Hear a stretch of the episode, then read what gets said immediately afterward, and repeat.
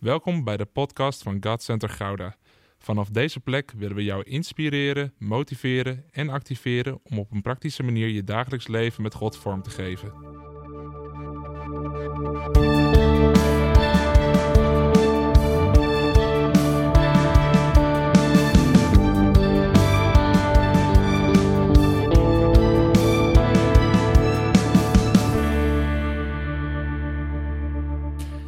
Ik wil jullie meenemen naar een paar jaar terug. En het is niet mijn sterkste moment, maar ik moet nog wel grinniken om mezelf. Eh, en dat is namelijk, Jeroen moest een prikje voor een infuus. Waarom hoor ik nu alleen maar vrouwen lachen gelijk? wat, wat is dit? wat het is, is toen ik 18 of net 19 was, toen moest ik een keertje bloed laten prikken en toen had ik nog niks van, oh, prikken zijn vervelend. Maar bij buisje 5 zei, zei ik tegen de mevrouw die mij prikte, en die mevrouw die was zo groot.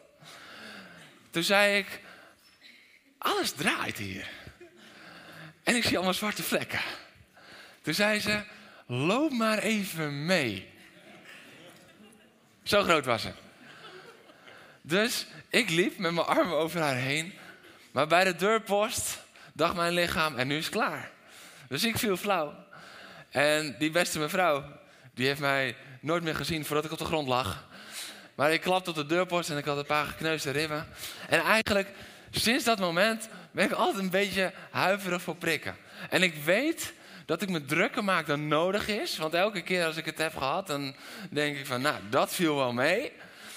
Maar een paar jaar geleden eh, moesten mijn pin en plaat uit mijn enkel, die ik jaren daarvoor had gebroken, en dat ging een beetje ontsteken, dus dat moest eruit gehaald worden.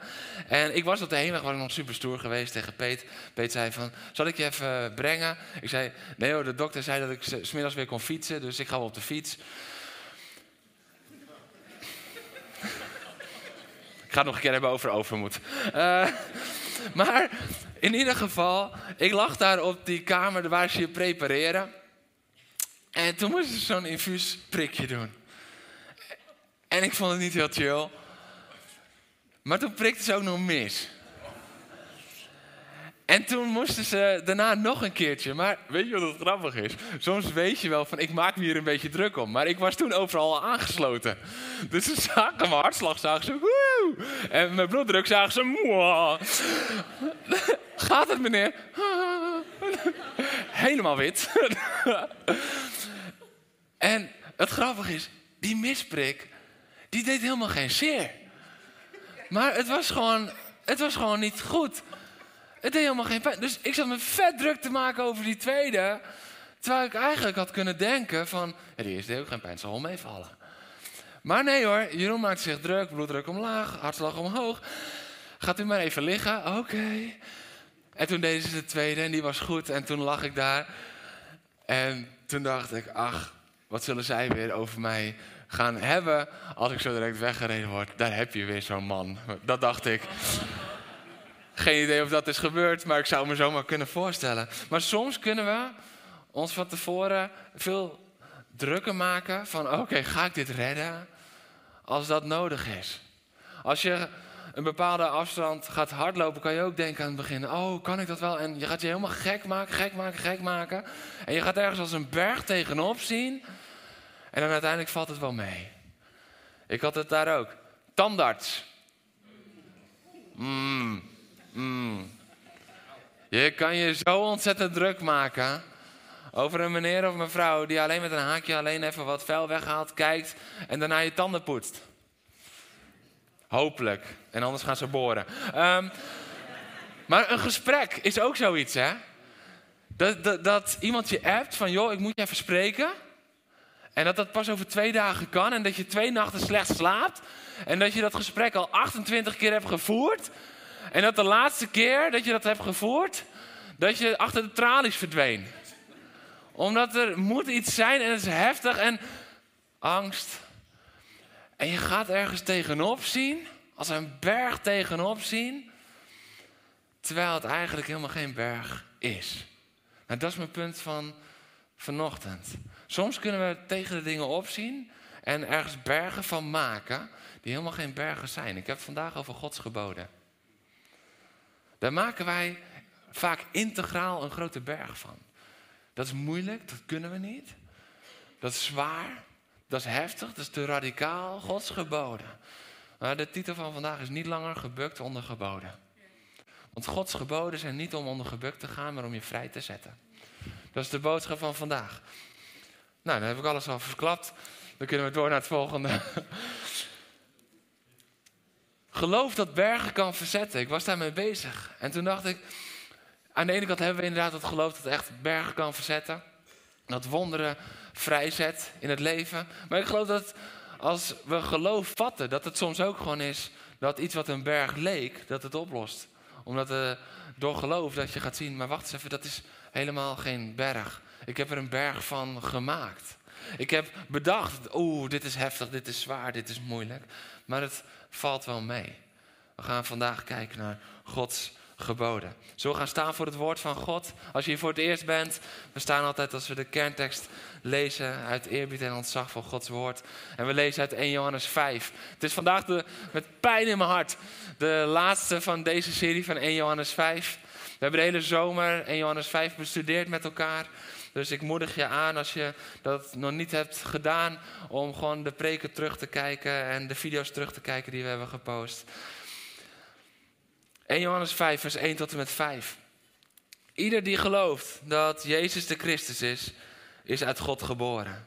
En ieder die de Vader lief heeft, heeft ook lief wie uit hem geboren zijn. Naast de liefde. Halleluja. Dat wij Gods kinderen lief hebben, weten we doordat we God lief hebben en zijn geboden naleven. Want God liefhebben houdt in dat we ons aan zijn geboden houden. Zijn geboden zijn geen zware last. Want ieder die uit God geboren is, overwint de wereld. En de overwinning op de wereld hebben wij behaald met ons geloof. Wie anders kan de wereld overwinnen dan hij die gelooft dat Jezus de Zoon van God is? Amen. Je mag gaan zitten. Wie anders kan de wereld overwinnen dan hij die gelooft dat Jezus de Zoon van God is? Daar worden we enthousiast van. Maar daarvoor staat nog wat anders. En dat is namelijk dat als we van God houden, als we God lief hebben, dat we zijn geboden houden. Dus eigenlijk staat hier in de moderne vertaling: houden van is houden aan. Ja, maar dan moeten we ons dan weer aan de wet gaan houden en, en doen we het dan wel goed genoeg en heb ik dan wel mijn redding? Nee, daar komen we zo direct op. Dat is niet het punt dat Petrus hier, eh, Johannes hier probeert te maken. Maar hij laat wel zien dat houden van en houden aan, dat het aan elkaar gekoppeld is. En als we dat gaan splitsen, dat het ongezond wordt. Als ik elke dag tegen Petra zeg dat ik van haar houd, maar niet houd aan de afspraken die we hebben gemaakt, dan op het gegeven moment denk ze ook van, ja, goos, je zegt het wel, maar hoe dan? Er blijkt niet uit je daden dat je van me houdt. Je kan elke dag vertellen hoe belangrijk je iemand vindt, maar als dat niet blijkt uit je daden, wat betekent het dan nog? Als we elke dag zeggen tegen onze kinderen dat, dat we ze belangrijk vinden, maar we hebben nog niet de tijd om rustig met ze te eten of even een dikke knuffel te geven, omdat we opgaan in het werk, wat communiceer je? Werk is belangrijker. Je zegt wel, ik hou van je of je bent belangrijk voor mij. Maar als je kind bij je komt en het heeft je hulp nodig omdat het even niet gaat. Nee, nee, nee, papa is bezig, papa is bezig, papa is bezig. Wat communiceer je met je daden? Nou, dat vinden we vrij normaal als het gaat over een huwelijk of als het gaat over een opvoeding. Maar zo is het ook in onze relatie met God. Dat als we zeggen we houden van Hem, dan houden we ons ook aan Zijn geboden. Houden van is houden aan. En dat is niet om opnieuw onder de wet te komen, maar dat is omdat die scheiding gewoon niet mogelijk is. Van woorden en daden. We zijn vaak heel enthousiast over het houden van God, maar we zijn stil over het houden aan zijn woord. Maar ze bestaan niet zonder elkaar. Als je niet van God houdt, zal je nooit kunnen houden aan zijn woord. Want als liefde niet je drijver is, dan zal je vroeg of laat zal je andere keuzes gaan maken. Maar tegelijkertijd is het ook zo dat als we zijn woord niet houden, wat zijn onze woorden dat we van hem houden dan waard? En nogmaals, niet om zijn liefde te verdienen, Maar wat is ons woord van liefde dan waard? We gaan vandaag niet opnieuw onder de wet, maar we gaan wel een nieuwe stap richting vrijheid. En echtheid. En intimiteit. Want dat is wat God voor ogen heeft met zijn geboden. En misschien denk je, ja, maar Jeroen, dit is toch echt wel wettisch denken. Want ja, dan gaan we het weer hebben over van, oh, ja, als je het niet goed doet, dan. Nee, dit is niet vanuit de wet, maar dit is wel vanuit het woord van Jezus. Weet je wat Jezus zegt? Jullie zijn mijn vrienden wanneer je doet wat ik zeg. Nou, ik zou je zeggen, zo ben ik nog nooit een vriendschap begonnen. hey Wilco, jij bent mijn vriend als je doet wat ik zeg. ja, dat is een interessante vriendschap, denken we dan. Maar dit is wel wat Jezus zegt. Jullie zijn mijn vrienden als je doet wat ik zeg. Dus het gaat niet alleen als je zegt dat je van me houdt, maar ook als je doet wat ik zeg. Dat is een heel belangrijk element van de vriendschap met Jezus. Dit is waarom we vriendschap met Jezus zo vaak uit de context hebben gerukt, wist je wel? We zingen allemaal, er is geen vriend. I am a friend of God, I am a friend of God. En we vinden het heerlijk om Jezus vriend te zijn, omdat we dan het gevoel hebben dat we dichtbij zijn. Het is wat makkelijker, want als we Jezus als lam of als leeuw van Juda, dan is dat toch wel lastiger. En we vinden vriendschap lekker, maar de vriendschap met Jezus is niet gelijkwaardig. Dat zit hier bij ons, maar niet hier in zijn woord. Wij hebben vriendschap geplakt op onze vriendschap met Jezus. Een gezonde vriendschap hier is gelijkwaardig. En, en, en dat is ook goed. Maar vriendschap met Jezus, tussen God en mens, is natuurlijk nooit gelijkwaardig. En daarom zijn we ook zo vaak niet, niet eerbiedig met Jezus omgegaan. Omdat we zeggen, van ja, maar we zijn zijn vrienden. Ja, we zijn zijn vrienden, maar doen we ook wat hij zegt. Nou, dat is lastig, want hij zegt wel moeilijke dingen. Hij zegt ingewikkelde dingen. Maar hij zegt, je bent mijn vriend als je doet wat ik zeg. Woorden van Jezus. Jezus zegt, je blijft in mijn liefde als je aan mijn geboden houdt. Johannes 15. Hoe blijf je in zijn liefde? Als je ja, aan zijn geboden houdt. Wij denken vaak, je blijft in zijn liefde als je genoeg stille tijd hebt gehouden s ochtends. Maar wat doet die stille tijd? Wat doet die tijd met God? Bewerkt hij zijn geboden in je hart? Of is het voor jouw gevoel? De tijd met God, de liefde van God en onze liefde naar Hem en zijn geboden zijn niet los van elkaar te zien. De geboden van Jezus komen uit hetzelfde hart dat het naar het kruis, naar het kruis bracht. Zijn hart vol liefde bracht hem naar het kruis voor ons. Maar zijn hart vol liefde gaf ook geboden. Waarom? Omdat die geboden niet bedoeld zijn om onder gebukt te gaan. We hebben een slecht beeld van Gods geboden tegenwoordig. Gods geboden zijn er om je vrijer te maken als dat jij was. Als je volmaakt leeft in zijn geboden, ben je volmaakt vrij.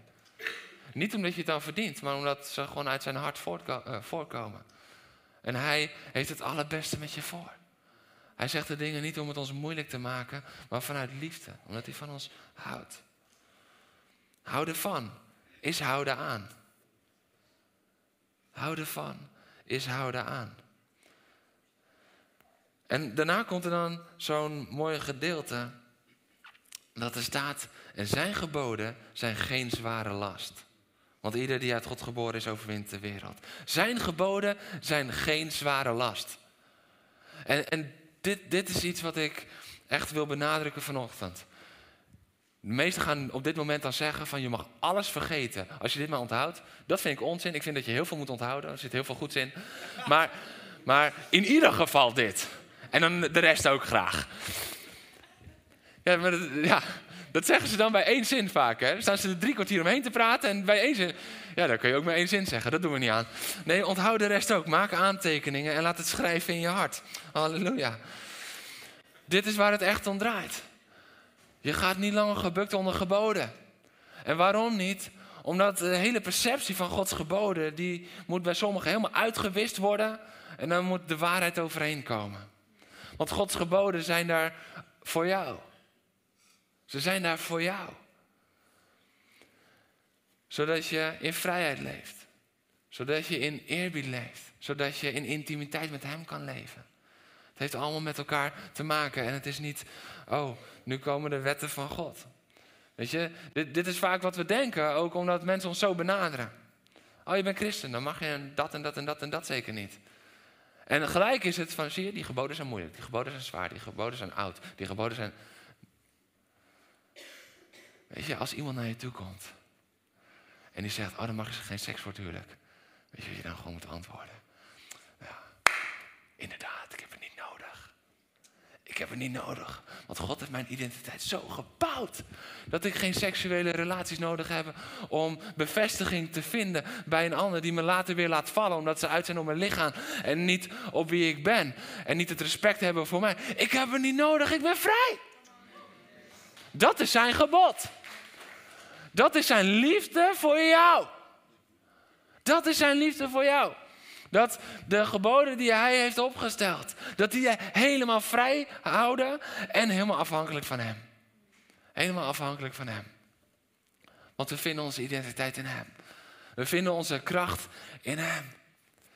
Hé, hey, hé, hey, rust. Je moet, je moet rust vinden. Maar hoe, doe jij dat dan? Want ja, ik doe, ik doe al zo lang aan yoga en mindfulness. En dan ga ik eh, twaalf keer op vakantie. Want dan denk ik, dan kom ik tot rust. Maar ja, alleen al die tas uitpakken en inpakken. Wie is er afgelopen weken achtergekomen dat vakantie helemaal niet zo ontspannend is als dat je denkt. Rondom de vertrek- en aankomstdagen. Oh! We hebben binnenkort een huwelijksseminar. Halleluja. Hij is wel eerlijk. Halleluja. Die blik van je vrouw. Fantastisch. Oh, ze zijn vannacht teruggekomen. Ze gaan morgen weer op vakantie. Ja, jullie gaan naar België vanmiddag. Halleluja.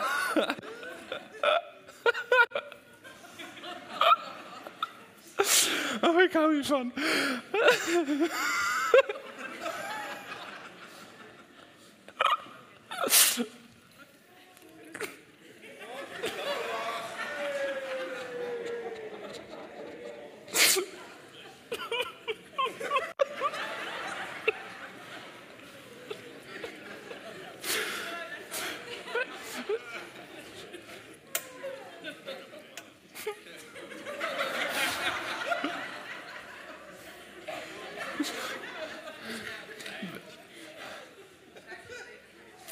Richt me even op die kant van de zaal.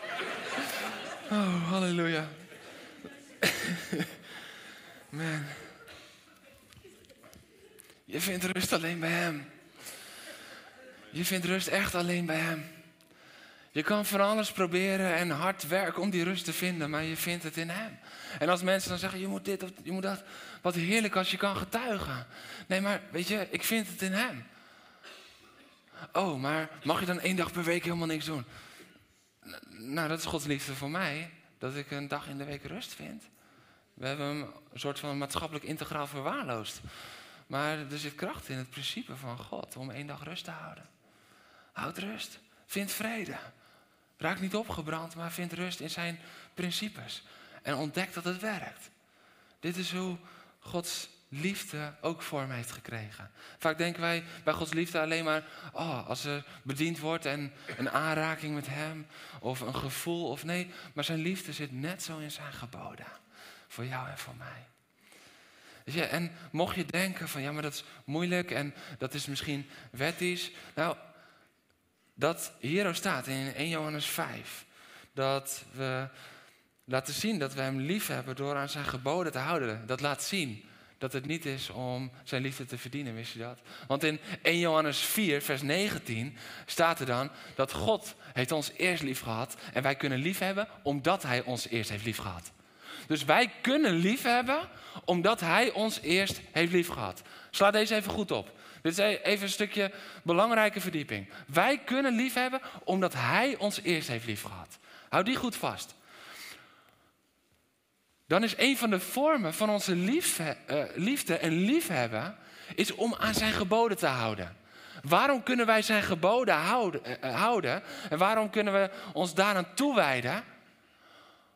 Omdat dat verbonden is aan die liefde en omdat hij ons eerst heeft liefgehad. Dus met het houden van zijn geboden. Bedoelt Johannes hier geen seconde het verdienen van zijn genade, maar het leren leven in zijn bedoeling. En als antwoord op zijn liefde hebben wij hem lief. En die liefde krijgt vorm door het houden aan zijn geboden. Dus als je deze volgorde begrijpt, dan ga je zijn geboden nooit meer verwarren met wettisch denken. Want we doen het alleen maar als antwoord op zijn liefde. En hoe heeft zijn liefde vorm gekregen door zijn zoon daar aan het kruis? Die de hele weg ging. Die niets achterhield. Die alle genade die wij nodig hadden. Alle genade voor alle zonden, voor al onze fouten, voor al onze ziekte, voor al onze pijn die we nodig hadden in ons leven, heeft hij daar gebracht. Dus de volgorde die Johannes hier laat zien, is zo ontzettend duidelijk en geboden is geen vies woord. Het is de liefde van zijn hart. In de juiste volgorde. In de juiste volgorde. Want als we het vanuit de wet gaan, dan is het dus niet gekoppeld aan de liefde. En dan denken we dat de geboden ons bij de genade van God gaan brengen. Maar dat is niet wat de Bijbel zegt. De Bijbel zegt als antwoord op zijn liefde, want hij heeft ons eerst lief gehad en daarom kunnen wij lief hebben. Als antwoord op die liefde kunnen wij hem lief hebben. En hoe doen we dat? Onder andere door ons aan zijn geboden te houden. Is niets wettisch aan. En nu we dit weten, is het tijd dat de kerk opstaat in nieuwe gehoorzaamheid aan zijn geboden. Omdat we krachtiger mogen worden in het beantwoorden van zijn liefde. In woord en in daad. En dan zijn ze geen zware last. Ze zijn geen zware last. We hoeven er niet onder gebukt te gaan. Sterker nog, het brengt leven in vrijheid. Wandelen in Gods principes brengt leven in vrijheid. Niet omdat je het dan hebt verdiend, maar omdat dat de vrucht is van de keuzes die we maken. En omdat het is het antwoord dat we hebben gegeven op zijn genade. En daarmee ontvangen we het ook in dat facet weer meer en meer en meer.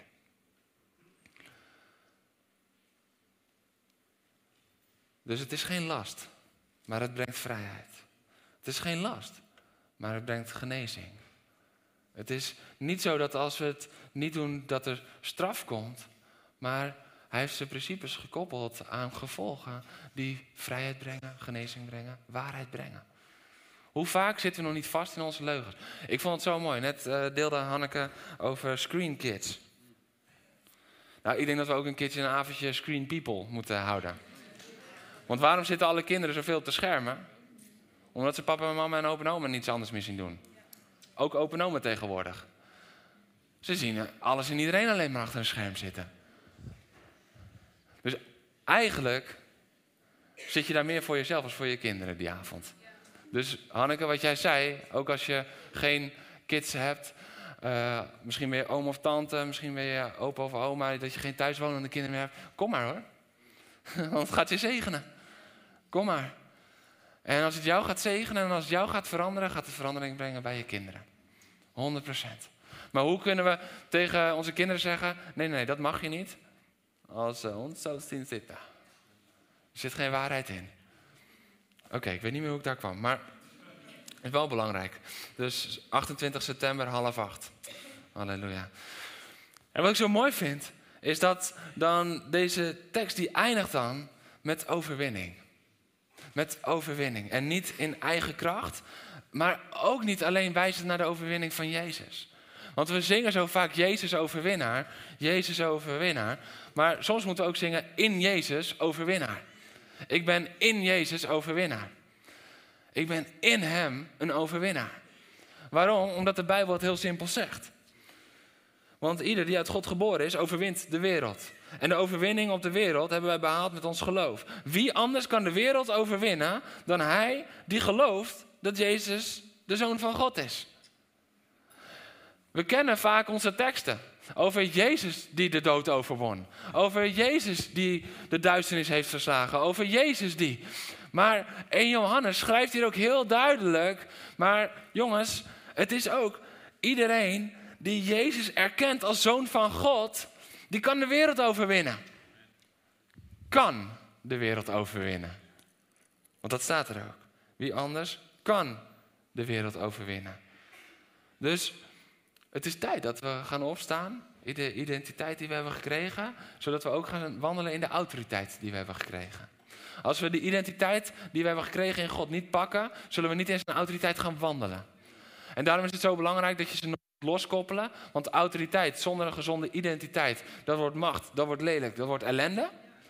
Maar vanuit een gezonde identiteit, als je alleen maar in die identiteit blijft zitten, maar je gaat de autoriteit die, daarmee gepaard gaat niet gebruiken, dan mis je je doel. Dus identiteit. Intimiteit met Hem om dat te bewaken en dan autoriteit. En dan in die autoriteit mogen we gaan staan. Want Jezus zegt, ik ben het licht der wereld. Maar Jezus zegt in Matthäus in de bergreden ook, jullie zijn het licht in deze wereld. Jullie zijn het zout der aarde. Dus hij geeft hele duidelijke opdrachten. Hij is ons voorgegaan. We hoeven niet zelf de weg te plaveien, maar hij is ons voorgegaan. En vanuit dat hij ons is voorgegaan, vanuit die kracht, kunnen wij hem volgen en u vertegenwoordigen hier op aarde. En wij mogen daarin opstaan. Maar er staat wel dat woordje kan. En dat vind ik een interessant woord. Want dat betekent dat het kan, maar dat het ook niet kan. En dat klinkt misschien even heel flauw, maar dat heeft alles te maken met dat alles is al vrijgezet voor ons. Maar er is nog wel een keuze voor nodig. Hij is de bron van onze overwinning. Hij is de kracht van onze overwinning. Maar wij zijn degene die wel moeten kiezen. Gaan we daarmee wandelen? Gaan we daarin investeren? Gaan we dat ontvangen van God? Of niet? Daarom, wie anders kan de wereld overwinnen? Het kan. Niet wie anders overwint de wereld. Nee, kan de wereld overwinnen. Omdat die persoonlijke keus er nog steeds mee gemoeid gaat. En dat vind ik zo mooi. Want daarin laat Jezus in zijn leven op aarde nog één keertje zien. Jongens, het is niet om de genade te verdienen door de wet dat we de wereld kunnen overwinnen. Want als de rijke jongeling bij Jezus komt, dan heeft hij een gesprek. En dan blijkt het dat hij zich aan alle geboden houdt. En dan zegt Jezus, oké, hey, verkoop dan alles en volg mij. En daar komt die hartskeuze. Die geboden die had hij van jongs af aan al leren houden. Dat was hem ingeprent, hij was daar goed in, hij volgde wel. Maar nu ging het hem wat kosten. Nu ging het hem wat kosten en daar haakte hij af. Jezus wees hem daar niet op, hey, oké, die geboden heb je gehouden, hoe zit het met dat gedeelte van de wet? Nee, hoe zit het met dat gedeelte in je hart? Jezus wijst je niet vandaag van, hé, hey, dat gedeelte van mijn wet, dat gedeelte van mijn geboden, moeten we daar nog even over hebben? Nee, hij zegt, dat gedeelte van je hart, is het toegewijd? Is het toegewijd? Is je hart toegewijd om mij te volgen? Is je hart toegewijd om heilig en zuiver te leven? Want mijn geboden zijn onder andere, wees heilig, want ik ben heilig. Niet om te verdienen, maar vanuit de genade. Ga steeds meer op mij lijken zodat je impact ook gaat groeien. Wat zo mooi is, is dat het bevestigt wat in Romeinen ook geschreven staat. Laat u niet overwinnen door het kwade, maar overwin het kwade door het goede. Romeinen 12, vers 21 en Romeinen 8, vers 37 zegt dat we in dit alles zijn we meer dan overwinnaars in Hem. Meer dan overwinnaars in Hem. En de context daarvan is dat het gaat over tegenspoed, over ellende, vervolging, honger, armoede, gevaar of het zwaard. En weet je wat er zo mooi is? Dan zegt Paulus niet, hey, en dat alles is nu klaar. Je zal geen tegenspoed meer tegenkomen. Dat staat nergens. Maar in dit alles. Niet als je hieruit bent getrokken. Nee, in dit alles. Wij denken dat we pas kunnen getuigen als we een situatie uit zijn. Nee, maar de echte getuigenissen zijn in dit alles. Want als we in dit alles nog steeds gaan leren leven als overwinnaar.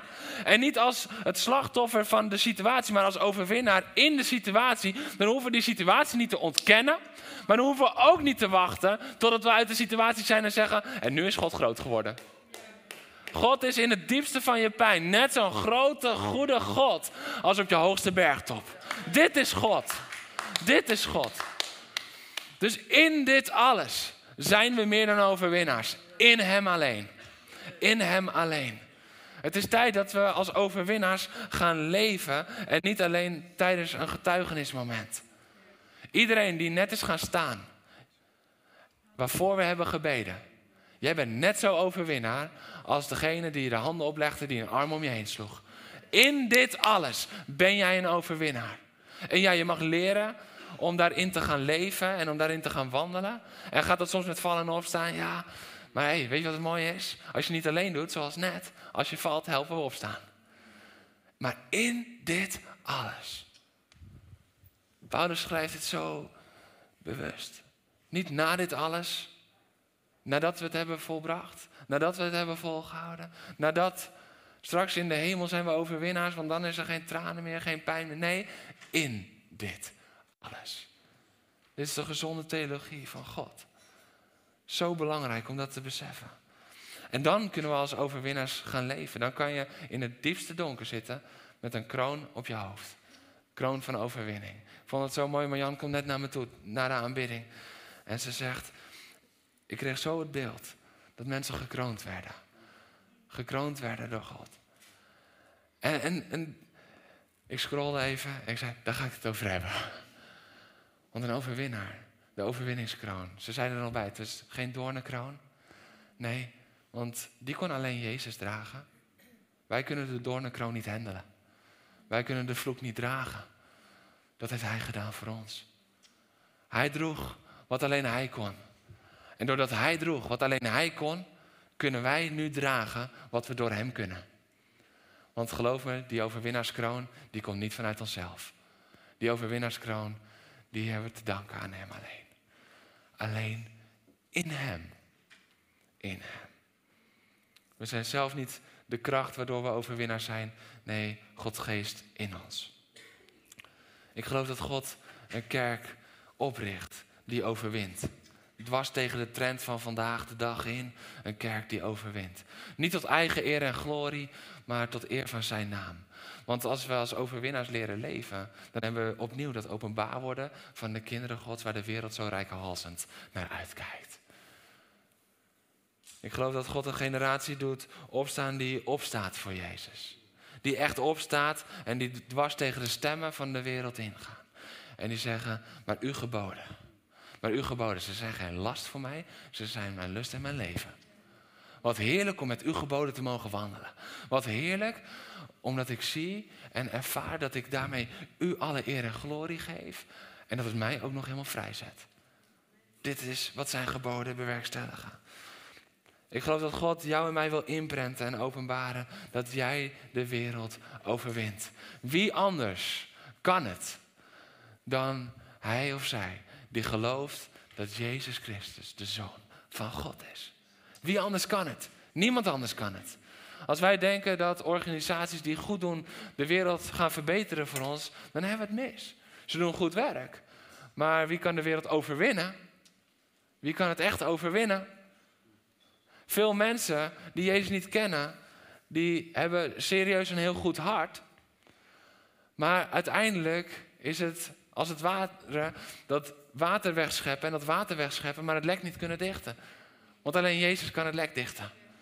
En zolang wij het blijven verwachten, ja, nou ja, die mensen die hebben zo'n goed hart, die doen, het, die doen goed werk. En wij doen het niet. Wij houden ons niet aan zijn geboden, wij stappen niet uit, we doen niet waar hij ons toe geroepen heeft. Dan blijven we toeschouwers van iets wat ervoor zorgt dat niet alles helemaal eh, zinkt en instort. Maar er komt geen genezing, redding en heling, want dat komt alleen maar door de naam van Jezus. Alleen de naam van Jezus. Jezus is de weg naar de Vader, niets anders. En dat vind ik dan ook weer zo mooi. Jezus zegt dan: Ik ben de weg, de waarheid en het leven. Niemand kan door de, tot de Vader komen dan door mij alleen. En daar zegt hij niet: Door je aan mijn geboden te houden. Dat zegt hij daar niet. Nee, door hem alleen. En als antwoord op die liefde, als antwoord op die liefde, mogen vanuit onze liefde ons aan zijn geboden gaan houden. Halleluja. Amen. Vraag of de worship naar voren komt.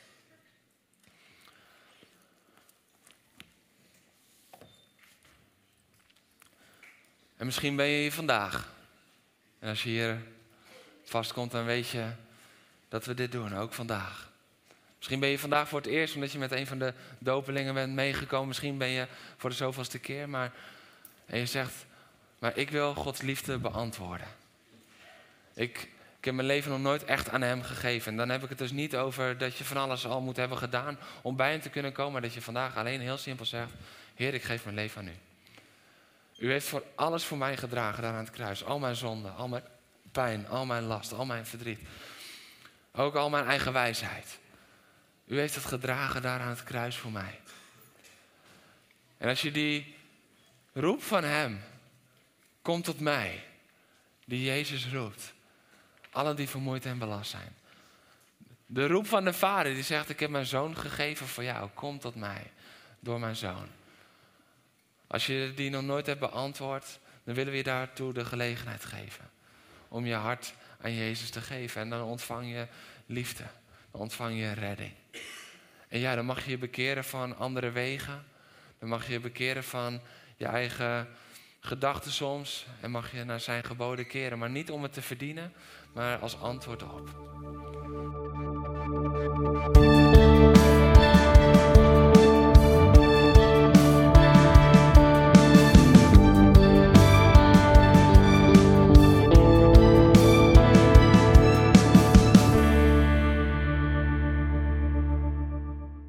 Bedankt voor het luisteren naar deze podcast.